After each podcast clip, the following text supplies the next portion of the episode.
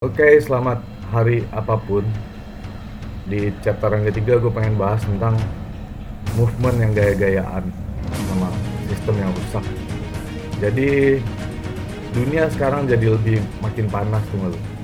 Siapa coba yang gak perhatiin? Tapi gerakan iklim makin ke sini ya makin nyebelin. Boleh ngasih kritik? Boleh lah ya dikit ya, kan kritik. Kita semua tahu kalau beberapa dekade ke depan bumi bakalan dalam masalah besar ya karena korporasi-korporasi yang tidak bertanggung jawab.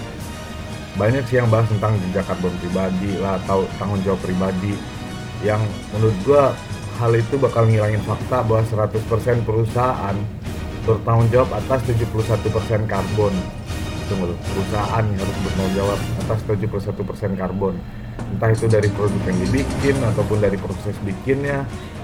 Gue nggak tahu juga apakah lu memperhatikan ini atau enggak. Tapi kita semua kacau men.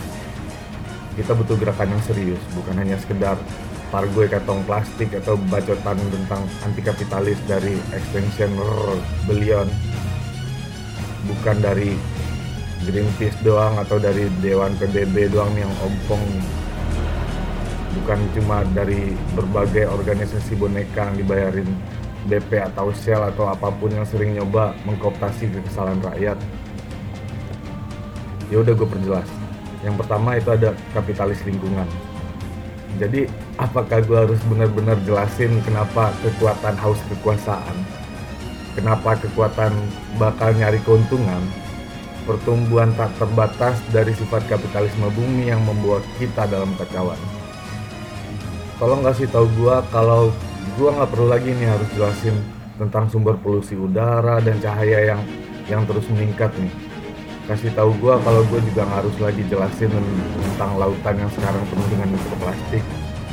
Sungai beracun penambang yang merusak demand trafficking jual beli limbah peternakan gede yang hancurin alam food waste pertanian monokultur yang rugiin. Terlepas dari ini semua juga banyak pecinta lingkungan di sini yang mengadvokasi kapitalisme yang lebih ramah dalam demokrasi sosial Mark Fisher dalam bukunya Realisme Kapitalis bilang bahwa kapitalisme telah begitu merusak pemikiran publik hingga gagasan anti kapitalis nggak lagi bertindak sebagai antitesis terhadap kapitalisme. Banyak orang yang mengakui sifat cacat dari kapitalisme. Tapi sedihnya juga banyak yang percaya dengan cara bikin perubahan kayak gini. Jadi gini, kita perlu menyadari pada dasarnya kapitalisme telah merusak semua yang disentuhnya. Dari individu hingga komunitas hingga ekosistem hingga benua, selama kapitalisme global terus berjalan memakan semua yang bersentuhan dengannya, dengan bumi, dengan semua penghuninya, semua akan terancam runtuh total. Kita menghadapi krisis global dan gak bisa terus-terusan buang energi tanpa henti memohon, terus sambil baking-baking terus nih ke penguasa yang gak berperasaan untuk reformasi kebijakan yang lemah dan memuji korporasi karena pencapaian jargon menjaga lingkungan atau jaga alam. Baiklah, perubahan ini gak cukup hanya dengan tanda tangan online, terus bagi-bagiin petisi yang lewat jalur kita bisa kita bisa. Itu tuh bumi kita runtuh tapi kita semua masih menggonggong tanpa gigi. Kita masih menikmati pemerkosaan sistem kayaknya bakal lebih mudah bayangin akhir dunia daripada akhir kapitalisme. Lu perlu merevolusi pemikiran lu. Berimajinasi radikal butuh transformasi radikal tentang cara gimana dunia ini kerja. Belum lagi banyaknya ekofasis yang udah kayak penyakit cacar yang memanifestasikan dirinya dalam kalangan pecinta lingkungan. Masih ingat nggak ada kutipan yang bilang bahwa manusia adalah virus yang mewabah di bumi dan parahnya lagi nih bahkan orang-orang tertentu adalah saluran pembuangan di planet ini. Paham sih maksud gue anjir. Bahasa gue ya sorry lagi kesel soalnya. Yang lebih menonjol dalam agenda ekofasis adalah pengendalian populasi manusia. Ingat mitos Malthus tentang pengendalian populasi yang ngarahin pandangannya ke eugenik ke kaum tertindas. Gagasan ini menurut gue nyalahin masyarakat paling rentan atas keruntuhan ekologis ngilangin tanggung jawab dari penguasa dan perusahaan yang bawa kita dalam kacauan. Ekofasis haus akan pemerintahan totaliter yang bah yang bakalan ngambil kendali dari masalah iklim dan membuat pengorbanan yang diperlukan dalam tanda petik. untuk kebaikan darah dan tanah. Ini bahkan mengabaikan bagaimana eksploitasi alam bergantung pada struktur kekuasaan yang bermain dalam masyarakat dan bagaimana konsumsi berlebihan yang bertanggung jawab atas banyaknya kerusakan di bumi. Jadi manusia, eh kata gue sih bukan ancaman bagi bumi, tapi peradaban kapitalis lah yang kayak tai. Kita udah di bumi selama ratusan ribu tahun loh, dan kalaupun ada pelajaran yang harus kita ambil adalah peradaban akan jatuh. Peradaban dapat didefinisikan sebagai masyarakat yang kompleks yang ditandai dengan praktik pertanian dan pemukiman di kota. Anggota suatu peradaban diorganisasikan ke dalam pembagian kerja yang beragam dan hierarki sosial yang rumit. Sepanjang penggunaannya dalam bahasa Inggris, kata peradaban telah digunakan sebagai lawan dari barbarisme atau primitivisme. Orang bertindak seolah-olah peradaban adalah tahapan tertinggi dari perkembangan manusia. Tapi sejarah kata itu menunjukkan bahwa gagasan peradaban itu sendiri membawa banyak rasisme dan imperialisme. Peradaban yang kita pahami pertama kali munculnya di Sumeria pada 4000 tahun sebelum Masehi, 4000 SM ya. Mereka bukan yang pertama membangun kota, tetapi mereka yang pertama yang hanya mengandalkan pertanian sepanjang tahun untuk kelangsungan hidup penduduk mereka. Dan ini baru baru permulaan peradaban menyebar ke seluruh dunia dari Inka, ke Mesir, ke Roma, ke Mali, ke Ming, ke Skandinavia, ke Ethiopia, bahkan ke Hammer. Dan di sinilah kita 6000 tahun kemudian masih diganggu oleh masalah-masalah yang tersirat dalam tahap perkembangan manusia yang paling maju klaim kita sih. Setiap peradaban yang pernah ada memiliki atribut kayak perang lah imperialis genosida dominasi mayoritas oleh minoritas atau kebalikannya. Iya apa sih yang benar?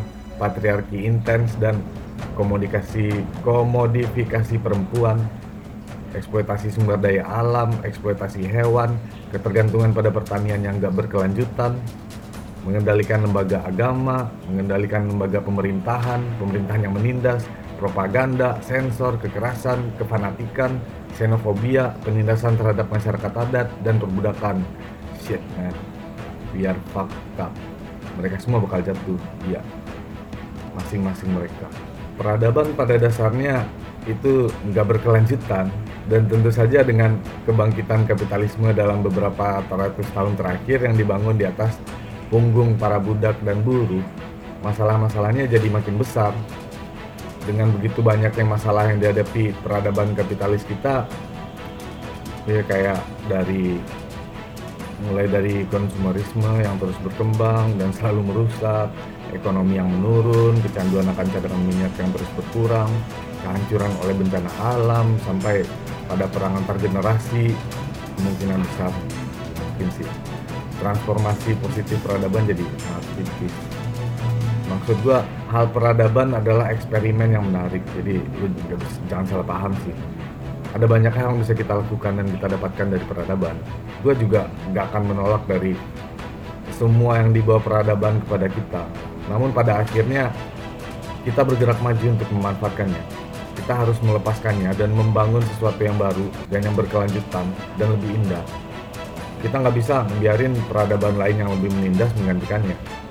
Gue selalu berharap perpindahan dari peradaban sekarang menuju sesuatu yang lebih baik, yang lebih indah itu akan berjalan damai ya. Tapi ya harusnya damai sih pengennya.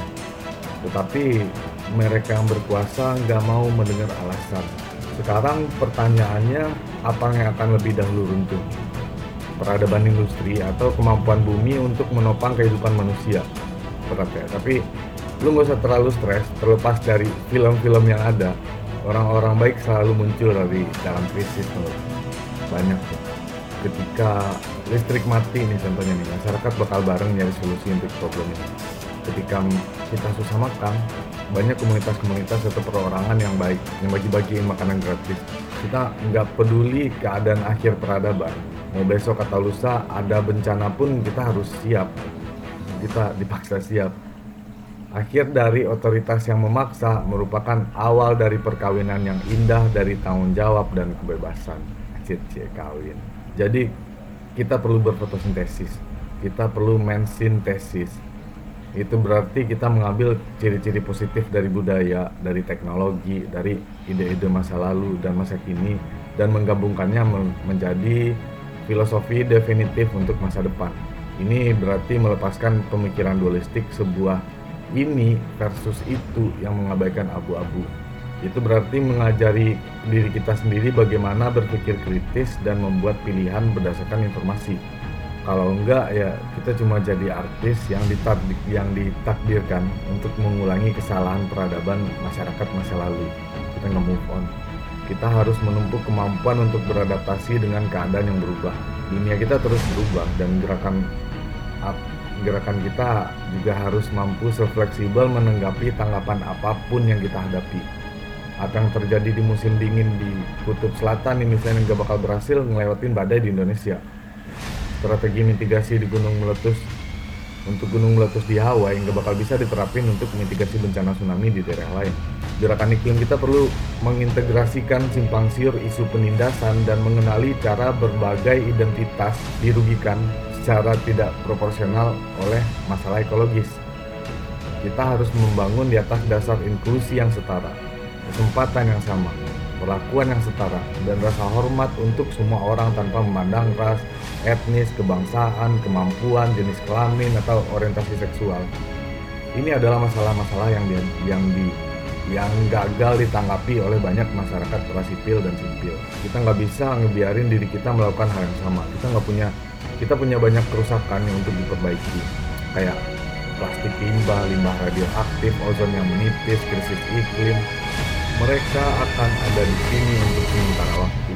Kita nggak bisa ngilangin cedera itu, kita nggak bisa ngilangin tiba-tiba luka yang udah kita timbulin, tetapi kita semua dapat bekerja untuk menyembuhkannya. Permakultur adalah nilai kunci dalam hal tersebut, bukan hanya berkebun dengan bacot doang yang fokus pada produksi market yang gak jelas, Permakultur berarti berpikir dan bertindak dengan mempertimbangkan generasi mendatang. Kita perlu menanamkan dalam diri kita sendiri pada anak-anak dan masyarakat dan masyarakat untuk etos harmoni dan pengelolaan ekologis. Kita harus bertindak sebanyak yang kita bisa dengan banyak cara yang menunjukkan kepedulian terhadap planet ini dan keanekaragamannya. Kita perlu belajar di sini sekarang manfaatkan apa pun Salah satunya yang penting adalah keterampilan bertahan hidup di masa depan. Itu adalah bekal yang paling dibutuhin oleh siapa pun untuk masa sekarang. Kita perlu membangun di sini dan sekarang sistem pembebasan kita. Kalau kata anak gaul nih, prefigurasi istilahnya sih. Membangun yang baru dalam cangkang yang lama. Pemahaman ini berarti kita tidak dapat dipisahkan dari tujuan. Kita harus mengakar dalam imanensi. Memahami bahwa waktu kita tuh sangat sedikit kita harus mengantarkan diri pada kekhususan, memahami bahwa kita memastikan kesejahteraan individu dan masyarakat. Kita harus berakar pada lokalitas, memahami tantangan unik yang dihadapi komunitas kita dan dan bagaimana kita dapat menanggapi secara pragmatis. Hal-hal apa pun akan menjadi lebih buruk sebelum mereka menjadi lebih baik. Kita harus memperdayakan diri kita sendiri dan orang-orang di sekitar kita. For your information, baru-baru ini sebuah pengaturan waktu yang di New York tuh kan ada tuh pengukuran untuk carbon emission. Dibilang bahwa kita hanya memiliki waktu 7 tahun 99 hari untuk emisi karbon untuk mencapai angka nol bersih sehingga kita bisa mengendalikan tetapi ketika teror psikologis itu membayangi masyarakat kecil keparat itu terus memenuhi kantong mereka tuh. Meskipun pandemi meskipun kebakaran hutan meskipun penggusuran meskipun ada yang kena PHK, meskipun kepunahan spesies yang gak terhitung jumlahnya nih setiap tahun, setiap hari. Terlepas dari itu semua, mereka berkembang, mereka bahkan dapat hidup melalui bencana ini. Dalam jangka pendek dengan pulau-pulau pribadi tempat pertapaan mereka kita tuh nggak bisa men kita harus bangun mendidik mengatur. Lu paham lah maksud mengatur gue kita yang bakal memutuskan ke arah mana umat manusia pergi. Satu orang pada satu waktu, satu kelompok afinitas pada suatu waktu, satu komunitas pada satu waktu, satu pulau pada satu waktu. Kita harus bicara kebenaran pada kekuasaan. Itulah yang sedang gue coba. Peace.